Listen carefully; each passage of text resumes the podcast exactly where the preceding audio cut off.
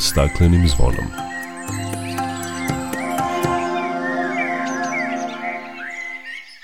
Dobar dan i dobrodošli na Zeleni talas prvog programa radija Radio Televizije Vojvodine. Ja sam Biljana Kuriš. Danas je Međunarodni dan akcije za klimu. Da li smo svesni značaja očuvanja životne sredine i šta poručuju stručnjaci iz oblasti geoekologije – Ključ u zaštiti planete u rukama je lokalnih vlasti. Saglasni su u oceni potpisnici projekta Eko opština, kojim su pozvani gradovi i lokalne samouprave da konkurišu za projekte unapređenja stanja životne sredine na lokalu. Čućete o novom modelu upravljanja otpadom zasnovanom na održivom razvoju i cirkularnoj ekonomiji, koji će biti realizovan u Gornjem Milanovcu. Na sajmu automobila među premijerama i novitetima više od 50% su čisto električni automobili. Biće reči o novim stanovnicima Fruške gore, bizonima. Počele su prijave za goranske ekokampove. Toliko u najavi, opširnije o temama posle pozdravne pesme. Dok priroda kraj nas plače Za vladarskim svojim tronom Tužno vele narikače Pod staklenim smo zvonom Znaj vazduha više nema. Sve manje je i ozona. Protiv sebe ide čovek i to često bez pardona.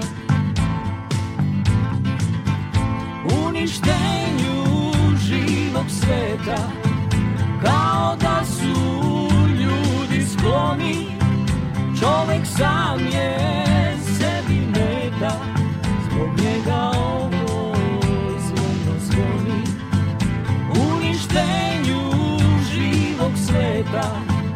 Kao da su ljudi skloni. Čovek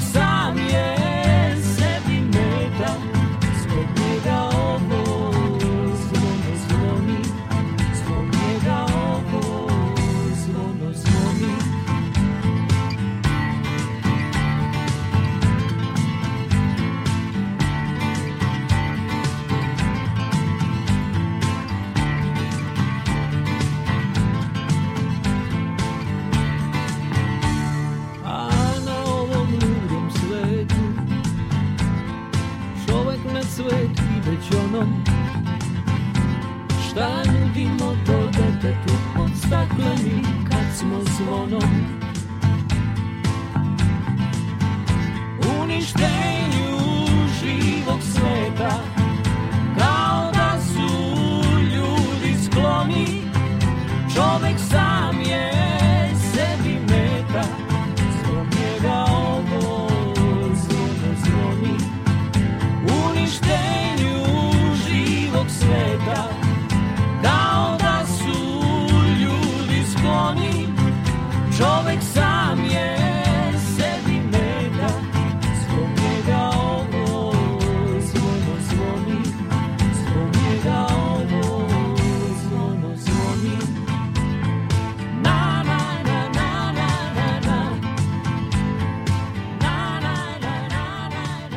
Sve veća zabrinutost za planetu Zemlju i životnu sredinu zbog klimatskih promena stavila je u centar pažnje smanjenje emisije štetnih gasova sa efektom staklene bašte za 55%. Taj procenat smanjenja prognoziran je do 2030. godine, a do 2050. trebalo bi da bude dostignuta klimatska neutralnost. Danas se posebna pažnja posvećuje borbi protiv klimatskih promena, jer se više od 170 država sveta obeležava Međunarodni dan akcije za klimu. Neki od prognoza kažu da bi srednja globalna temperatura do 2100. godine mogla da se poveća za 4,5 Celzijusova stepena, dok neki naučnici upozoravaju da ukoliko se odmah ne preduzmu drastične promene, do kraja 2100. godine leta bi mogle da traju 6 meseci, a zime svega dva.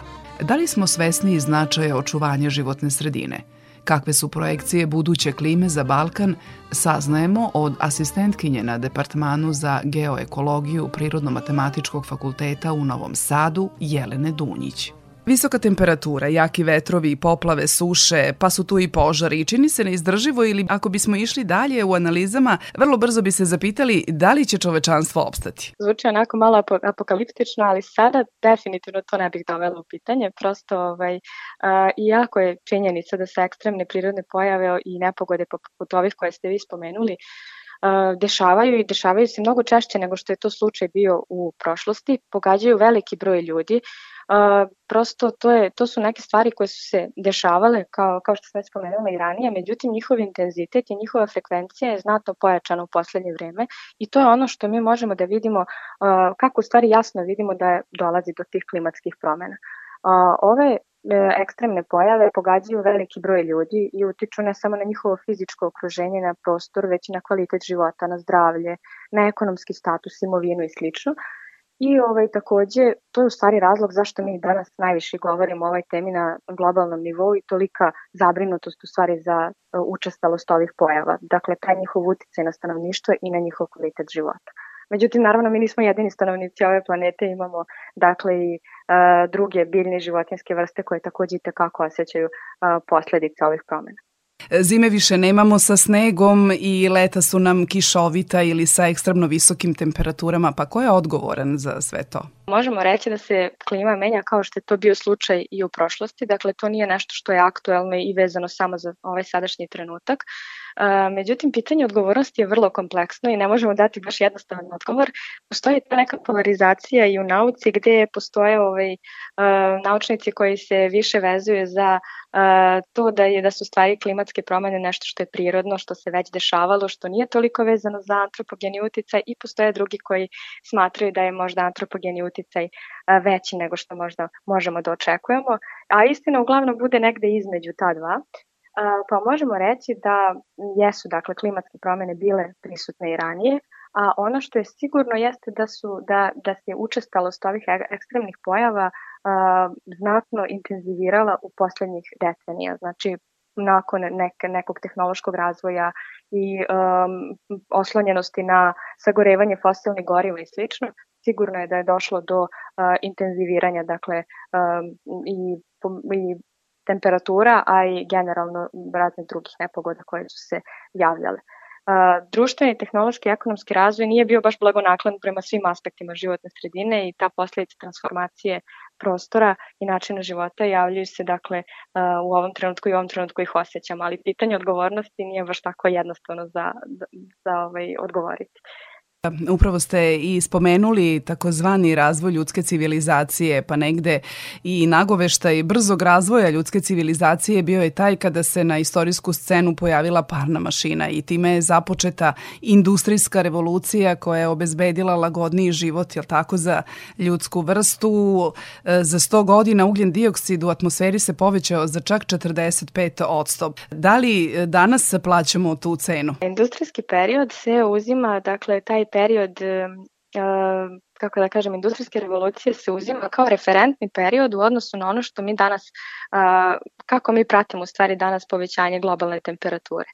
Uh, I u tom smislu možemo reći da eto, to jeste jedan referentni period kao od kada mi i um, osjećamo te neke intenzivnije, uh, intenzivnije promene po pitanju temperature i o tome svedoči i to da dakle mi od tada do danas merimo da je globalna temperatura porasla za nekih 1,1 stepen. I uh, ono što se takođe spominje u raznim dokumentima poput Parijskog sporazuma i slično i što su na kraju krajeva ratifikovale dakle i mnoge države u svetu jeste da taj, uh, taj, taj, taj porast temperature bi trebao da se održi uh, na ispod 1,5 u odnosu na industrijsku revoluciju, odnosno na period, uh, predindustrijski period. U tom smislu možemo reći da je to ovaj, neki početak dakle, tog e, merenja antropogenog uticaja na klimatske promene, a da li danas plaćamo cenu samo toga, ne bih rekla, mislim da je to kombinacija i prirodnih i antropogenih, e, i antropogenih e, kako da kažem, posledica jednih i drugih faktora. Naravno da je u periodu kada, su, kada je ljudska aktivnost prosto potpomognuta i tim tehnološkim razvojem, to prosto bude intenzivnije. Kada govorimo o e, budućnosti klime, kakve su projekcije buduće klime za Balkan? Što se tiče projekcije, to je uvek onako nezahvalno raditi baš konkretne projekcije. Ono što uh, možemo reći na osnovu onoga, na osnovu proučavanja koje se, koje su koja imamo dakle iz prethodnog perioda jeste da se recimo toplotni talasi očekuju da budu intenzivniji i frekventniji u budućem periodu, generalno u umerenim klimatima gde se nalazi i Balkan, ali i generalno u svetu i o tome svedoči dakle i to da smo pre 2000. oko 2000, do 2000. godine imali možda jedan do dva toplotna talasa, a da ih danas imamo daleko više da su oni daleko češći i češće krenu ranije. Dakle, danas imamo toplotni talas recimo i u junu, a ranije su oni bili rezervisani baš za one prave letnje mesece, juli i avgust. Tako da u tom slučaju može se, možemo reći da će u buduće, da se u budućem periodu očekuju dakle, intenzivni toplotni talasi koji će biti uh, sve učestali. Jelena, hvala vam na razgovor. Ne, hvala vam.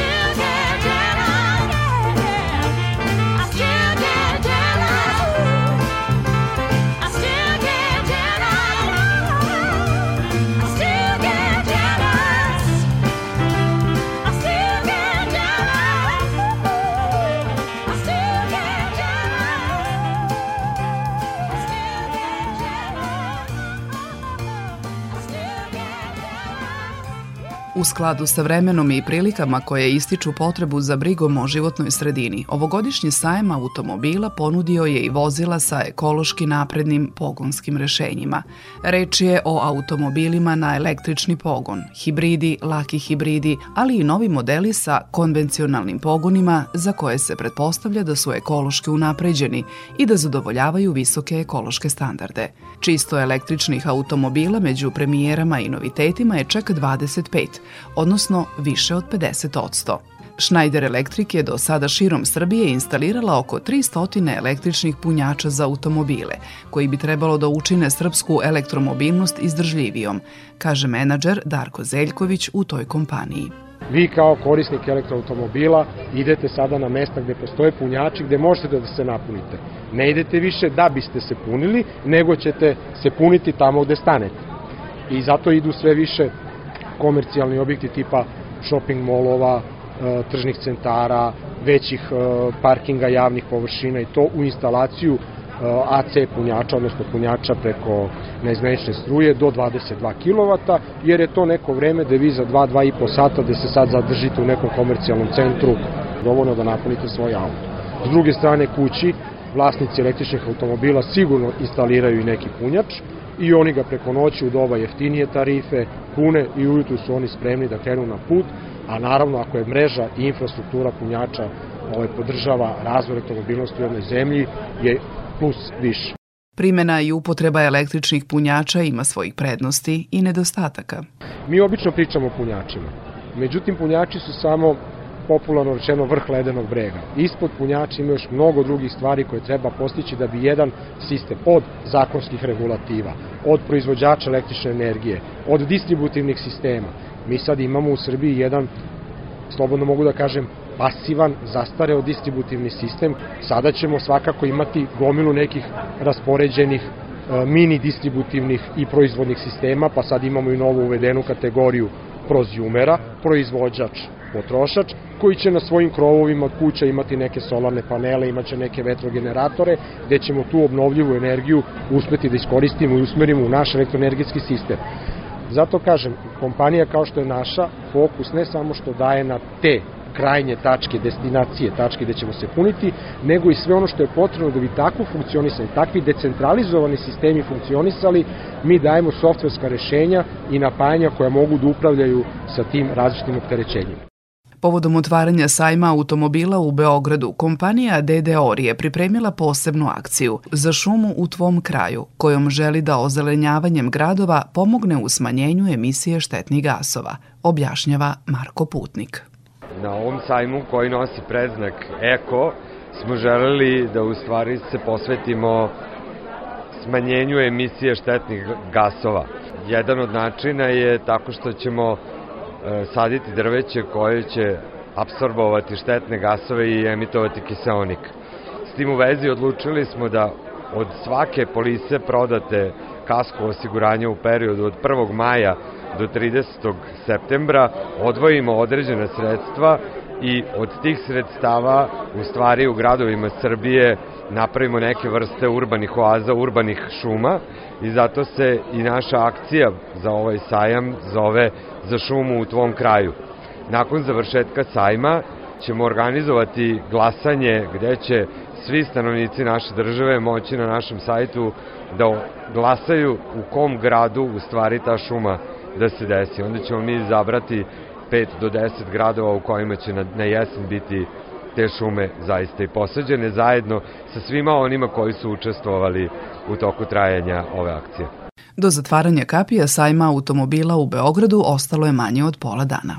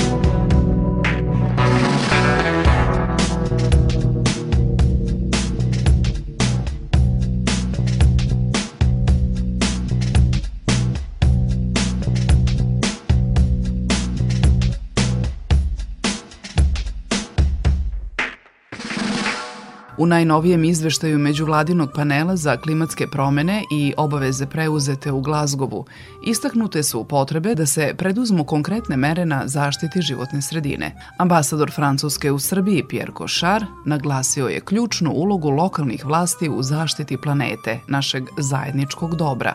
Otuda i pokretanje projekta Eko opština. Njime se promovišu gradovi i opštine koje se konkretnim akcijama bore na lokalnom nivou. Ambasada Francuske u Srbiji sa institutom Veolia, kompanijama Saint-Gobain, Veolia i Decathlon, naledom i stalnom konferencijom gradova i opština promovisala je prvi konkurs Eko opština, namenjen unapređenju stanja životne sredine u lokalnim samoupravama u Srbiji. Konkurs je otvoren za sve srpske opštine u četiri kategorije, na kojem će biti nagrađeno ukupno osam srpskih opština, koje će biti pozvane na studijska putovanja u Francusku. Inicijativu Eko opština podržao je i Zoran Semenović, podpredsednik Stalne konferencije gradova i opština.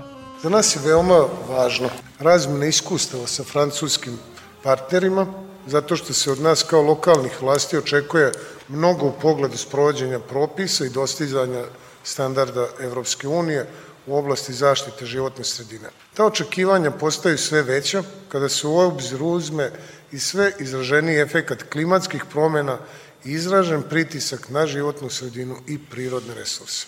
U cilju saglašavanja sa evropskim tekovinama u oblasti zaštite životne sredine i pripreme za realizaciju zelene agende za Zapadni Balkan i lokalizaciju ciljeva održivog razvoja Ujedinjenih nacija, Stalna konferencija gradova i opština pruža neophodnu podršku svim lokalnim samoupravama u sproveđenju nadležnosti u oblasti zaštite i unapređenja životne sredine. U tom smislu, izradnja administrativnih kapaciteta na lokalnom nivou jedan je i od glavnih prioriteta SKGO. Uspešna realizacija konkursa kroz projekat Eko opština podrazumeva zajednički cilj kako ambasade Francuske, tako i SKGO i podrazumeva nagrađivanje dobrih inicijativa gradova i opština u Srbiji u pravcu održivog razvoja, podsticanja razmene dobre prakse između Srbije i Francuske, te osnivanja međunarodne platforme za razmenu između lokalnih zajednica, preduzeća, donatora, udruženja. Verujem da će mnoge lokalne samuprave koje ulažu napore u očuvanju životne sredine prepoznati potencijal i ciljeve konkursa i koristim ovu priliku da pozovem sve gradove i opštine da uzmu učešće u našem projektu. Konkurs je otvoren do 30. juna 2022. godine, a pozvani su i nastavnici i učenici da se prijave u svojoj kategoriji do kraja meseca.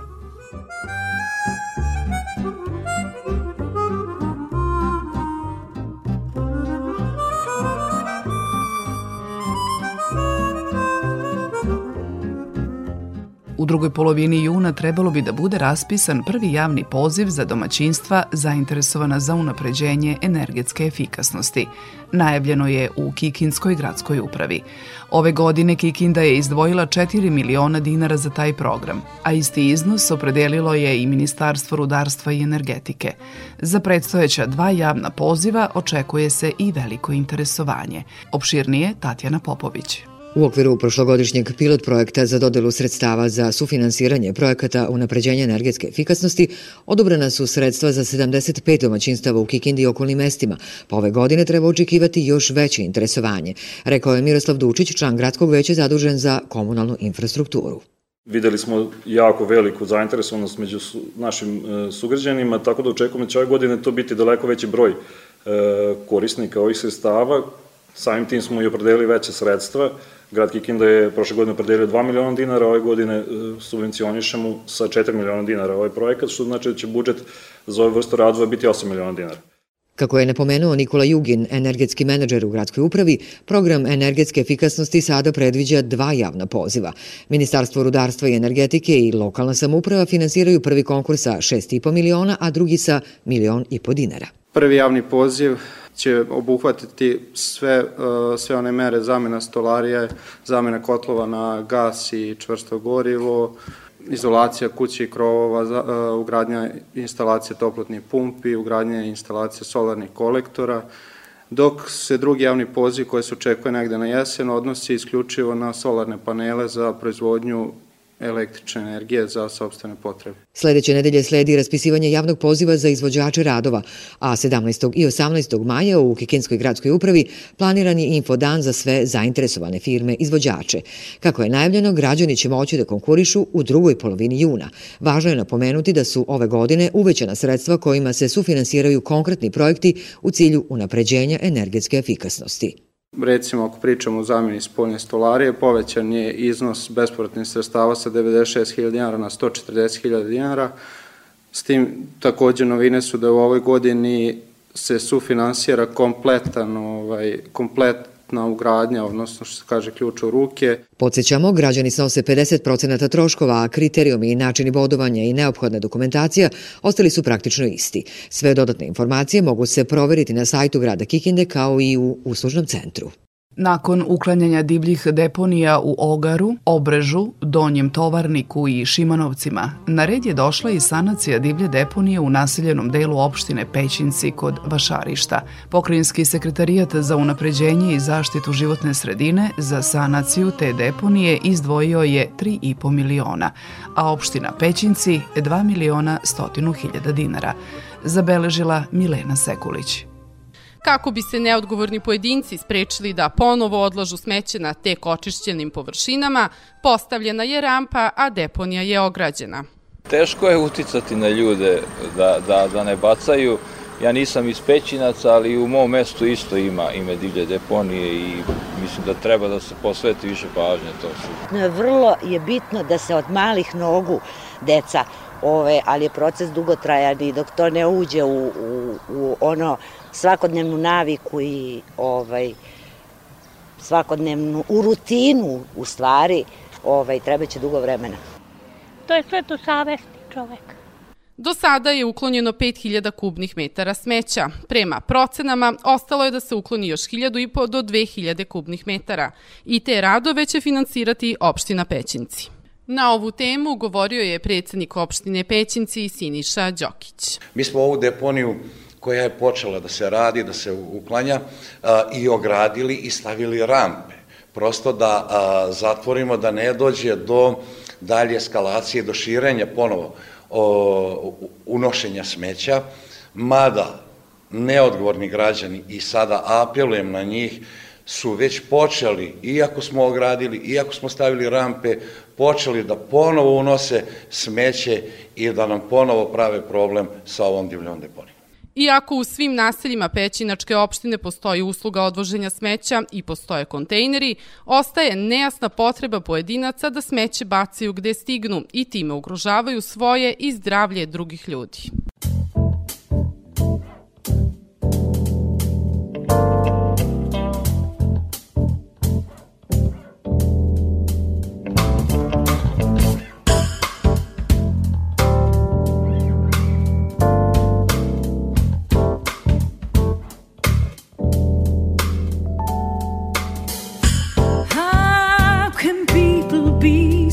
heartless. How can people be so cruel? Easy to be hard.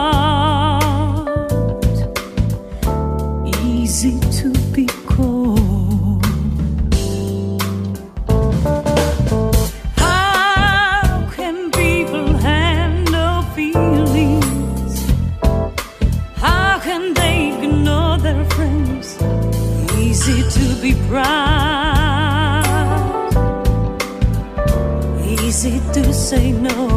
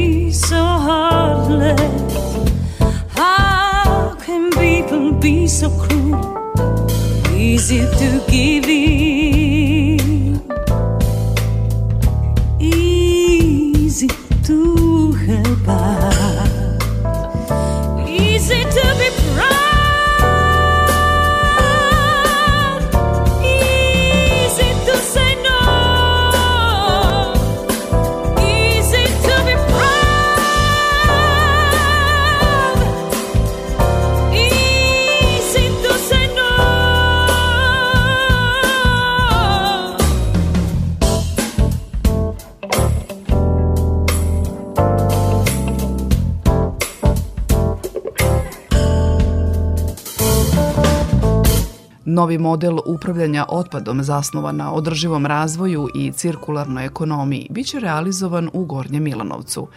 Biće to prvi grad u Srbiji koji će primjenom prerade otpada na italijanski način postati primjer i ostalima, jer će tako biti omogućena proizvodnja i prodaja komposta.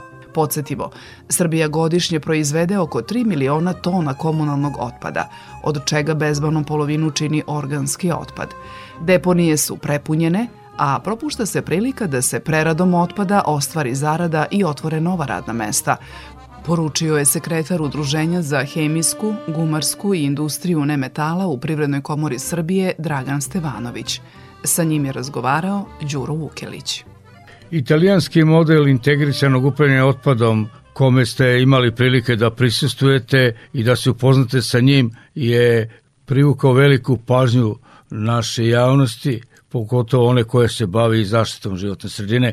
Gospodine Stevanoviću, šta ovaj model čini posebnim i prihvatljivim za naše, pre svega lokalne samouprave? Pa ovako, uopšte otvaranjem klastera 4, zelena agenda i održivo povezivanje, time i otvaranje četiri pregovaračka poglavlja, Republika Srbija je dobila, da kažemo, vetar u leđa u pridruživanju Evropskoj uniji i veliku motivaciju za dalje reforme u ovoj oblasti. Mi smo ovim dobili veliku šansu, ali iz toga proizilaze i velike obaveze u praćenju politike i ciljeva Europske unije u oblasti zaštite životne sredine. Prirodna komora Srbije uh, je i pre otvaranja ovih poglavlja učestvovala u brojnim projektima vezanim za ove teme, pa je tako i ova tema jedna koja je pokrenuta kao pilot projekat uh, u lokalnoj upravi Gornji Milanovac uh, o jednom italijanskom modelu upravljanja otpadom. Naime, šta se dešava? U Republici Srbiji se godišnje generiše blizu 3 miliona tona komunalnog otpada. Od toga se sakupi oko 86-87% i to se deponuje. Ono što je bitno da se u ovom otpadu nalazi po izveštajima Agencije zaštitu životne sredine 48,4% organskog otpada. To su ogromne količine otpada koje idu na deponiju i prave velike probleme i sa proizvodnjom metana, ugljen dioksida, smrada, zagađenja voda i tako dalje.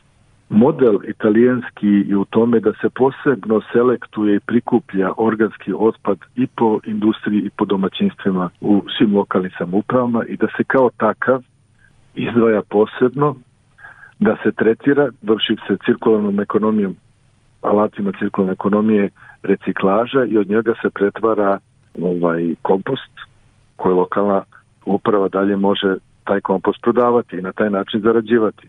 Znači, umesto da ta količina ide na, na deponiju, ona ide, da kažem, u kompostanu, u fabriku za proizvodnju komposta. Znači, rešili smo se i tog biootpada i dobili smo novi proizvod.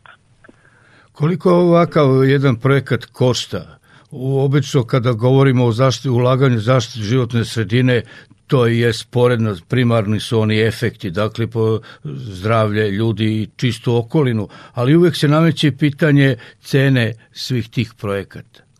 Ja mislim da, da novca za to ima, da je stvar više organizacije u toj primarnoj selekciji i ovaj, upravljanju samim otpadom, a i svesni smo da, evo pogledajte po, po svim lokalnim sredinama koliko građani plaćaju da kažem, ili tu zelenu ili odnošenje komunalnog otpada. To je otprilike 200-250 dinara po stanu, pa to nije nijedna kutija cigareta. To je stvarno minimalno. Ja ne verujem da nijedna lokalna zajednica može uspeti izvršiti pravilno upravljanje otpadom sa tim novcem.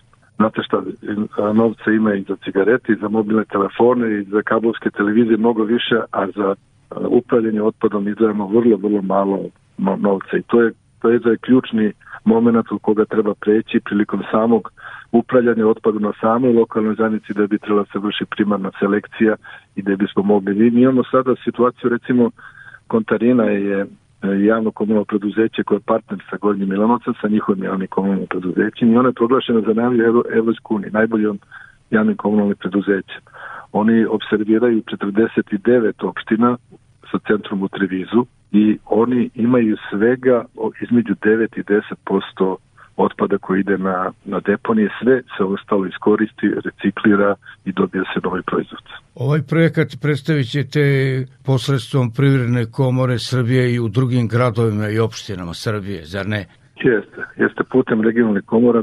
Mi ćemo prvi ugovor između javnog komunalnog preduzeća Gornji Milanovac i Kontarine i Novomonta koji proizvodi biorazgradive materijale za proizvodnju kesa kojim bi se skupljalo ovaj, ovaj biootpad će biti potpisan početkom juna ugovor o razumevanju prvi i nakon toga mi ćemo kreći preko, po, preko regionalnih prirodnih komora u Srbiji sa upoznavanjem ostalih lokalnih zajednica sa ovim modelom i šta on donosi i koje su benefiti i sama organizacija i tako dalje, da bismo što pre uspeli da, da očistimo Srbiju.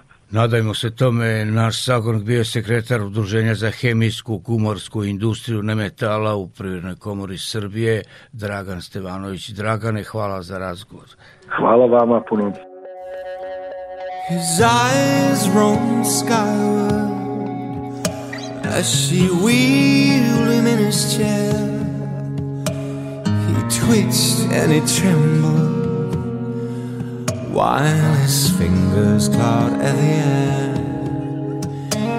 He spoke in bits and pieces, his words in disarray. Yet she listened carefully to all that he had to say. He must have been from way back when. Someone she swore to honor till the end. Life is cruel,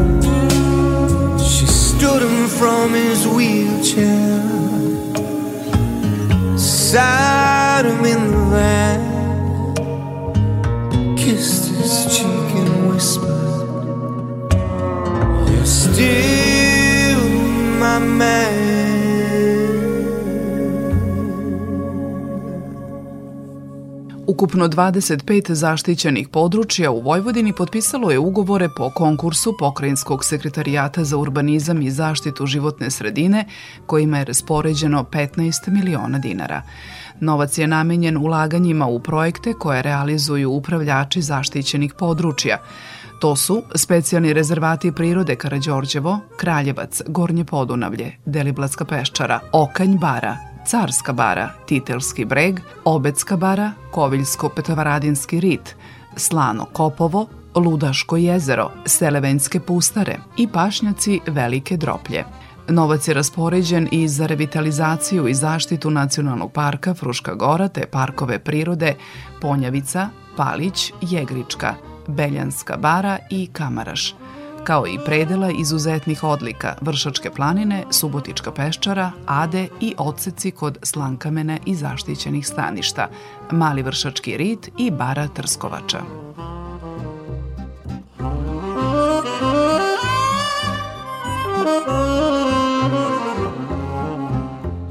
Goranski eko kampovi za decu idealan su način provođenja vremena za sve koji vole rekreaciju, druženje i aktivan boravak u prirodi. Kroz njih mališani imaju priliku da provedu slobodno vreme na zanimljiv i kreativan način u društvu vršnjaka.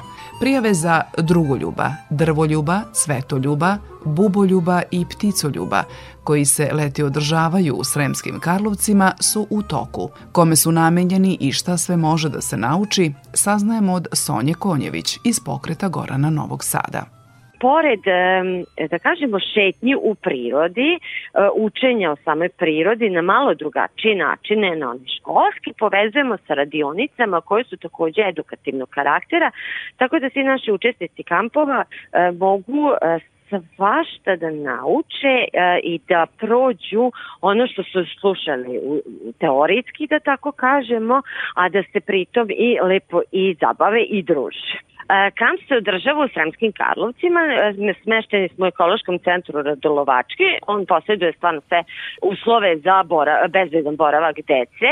Kamp traje četiri dana, tri noći, imamo kampove početkom jula i u drugoj polovini avgusta imamo online prijavni formular koji jeste možda sa početku čini malo duži, ali stvarno smo se trudili da samom popunjavanjem prijave roditelji nam daju sve neophodne informacije. No, no, no.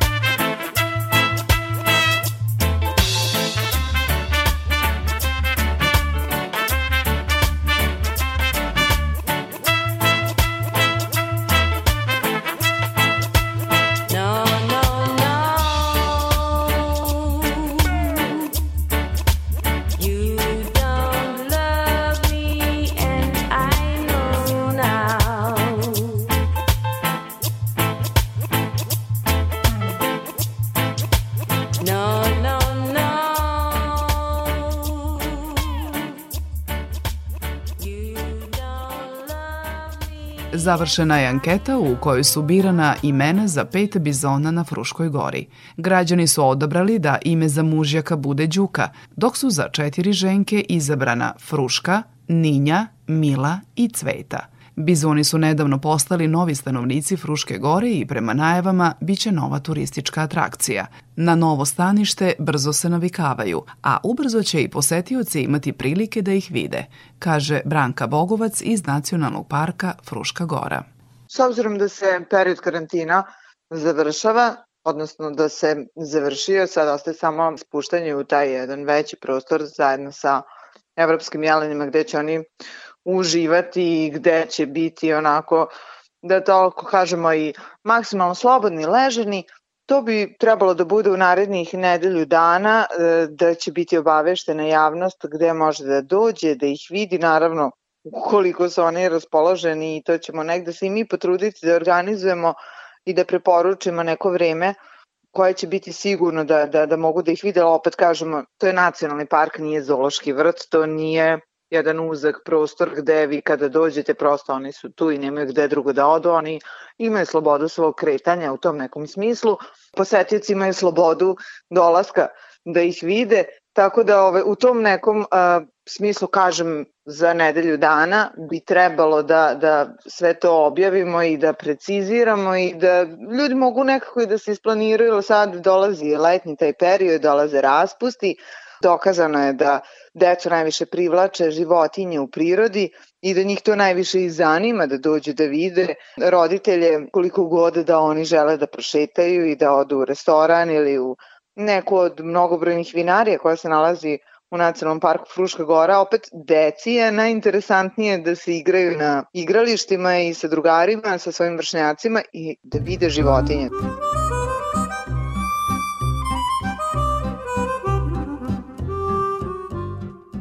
Toliko u ovom izdanju emisije pod staklenim zvonom, koju možete da slušate i odloženo na podcastu Radio Televizije Vojvodine na adresi rtv.rs. Na pažnji vam zahvaljuju Sabina Nedić, Zoran Gajinov i Biljana Kuriš. Naredni susret zakazujemo za sedam dana u isto vreme na Zelenom talasu prvog programa radija Radio Televizije Vojvodine.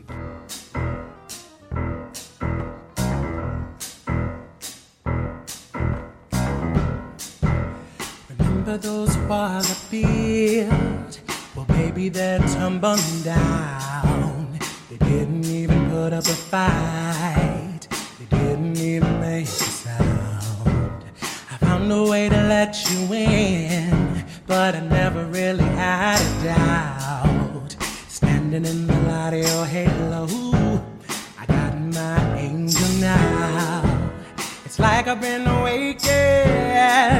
Every rule I had you breaking. It's the risk that I'm taking. I ain't ever gonna shut you out. Everywhere I'm looking now, I'm surrounded by your embrace. Baby,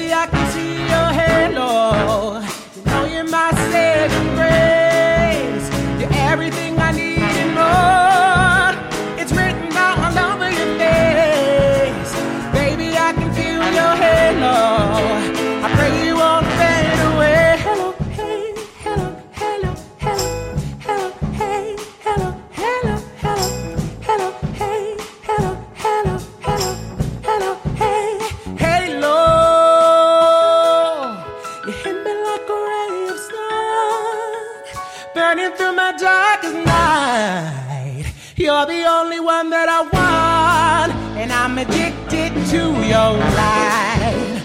I swore I'd never fall again, but this don't even feel like falling. Gravity can't forget to pull me back to the ground again. It's like I've been awakened. Every rule I had you breaking.